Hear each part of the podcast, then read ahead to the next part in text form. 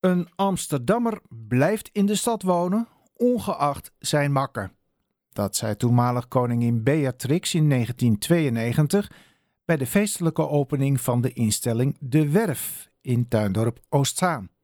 Maar Janan Oejar, stadscommissielid voor de PvdA, ontdekte tijdens een werkbezoek aan de werf dat deze gedachte na 30 jaar onder grote druk staat. Wel zijn stichting Cordaan wil het gebouw namelijk gaan slopen. Mevrouw Oejar, goedemiddag. Goedemiddag. Ja, u bent daar op uh, werkbezoek geweest, hè?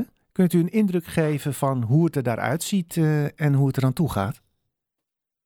Uh, ja, dat kan ik zeker doen. Twee weken terug ben ik benaderd door verwantenraad van de werf.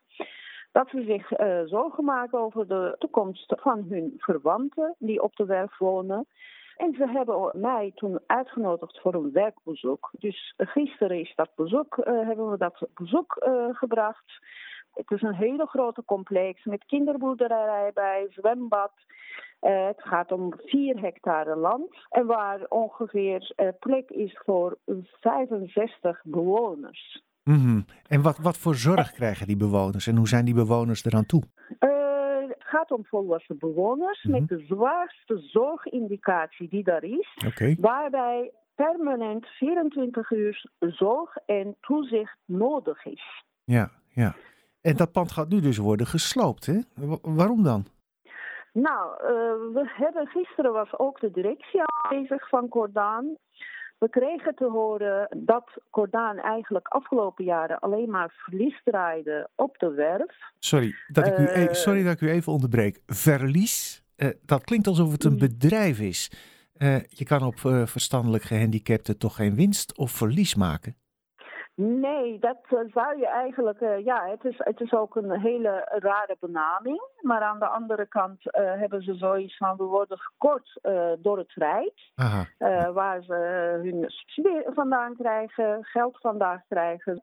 En aan de andere kant hebben zij ook al afgelopen jaren, sinds corona voornamelijk, ook te kampen met capaciteitsproblemen, waardoor ze heel veel extern moeten inhuren. 45% van de uh, medewerkers worden extern ingehuurd. Ja, en dat maakt natuurlijk de kosten alleen maar hoger. Dus uiteindelijk, wanneer de kostenplaatje aan het eind van het jaar er is, dan is het verlies draaien. Ja. ja, wat willen ze dan nu gaan doen uh, met dat pand en met die nou, ruimte van 4 uh, hectare? Zijn behoorlijk, ja, de pand, uh, de, het complex is behoorlijk oud, 30 jaar, maar 30 jaar intensief gebruikt natuurlijk. Mm -hmm. Voor zorg.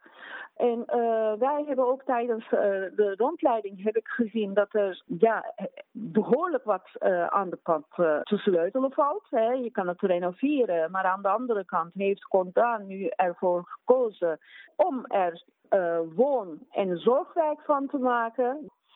En aan de andere kant ook de indicatie anders vormgeven.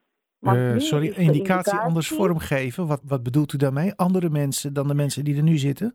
Ja, dat is het. Want uh, deze personen, deze doelgroep, die is heel erg gevoelig bijvoorbeeld voor prikkels. Ja. Het complex, hoe die er nu bij ligt, is echt rustgevend.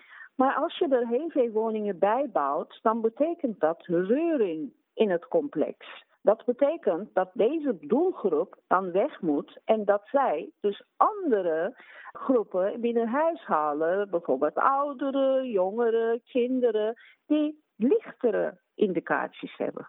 Ja, maar als ze weg zouden moeten, dat lijken me ook heel veel prikkels?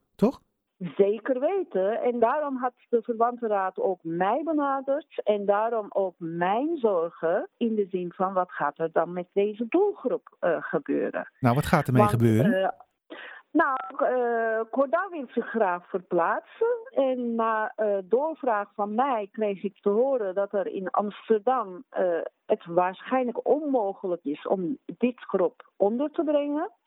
En dat ze waarschijnlijk buiten Amsterdam geplaatst zullen worden. Maar uh, die verwanten waar u het over heeft, zijn dat Amsterdammers, Noorderlingen of komen die ook van buiten Amsterdam? Nou, 25 van de 56 bewoners, die komen uit Amsterdam. De rest komt buiten Amsterdam. Ja, Maar uh, wat voor rol ziet u dan uh, weggelegd voor het stadsdeel? Want ja, het zijn bezuinigingen van het Rijk. Cordaan is wat dat betreft ook niet een, een gemeentelijke instelling. Wat kunt u doen? Nou, wat wij kunnen doen is, wij hebben nu een bestemmingsplanwijziging aan ons voorgelegd, omdat we de bestemming van de grond, de omgeving willen veranderen. Dus vanuit het stadsdeel moeten wij kijken naar de bestemmingswijziging. Dan moeten we kijken in de zin van, is dit haalbaar? Is dit wenselijk?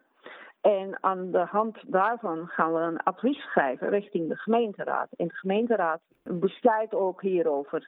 En daar is de taak van de uh, stadsdeel. En wat voor mij heel erg zwaar weegt, is wat gebeurt er met deze doelgroep die nu daar woont. Ja. Uh, uh, ik ben van mening, uh, we zijn een inclusieve stad, dat ook onze kwetsbare groepen eigenlijk in de stad dat we ze in stad onder moeten kunnen brengen.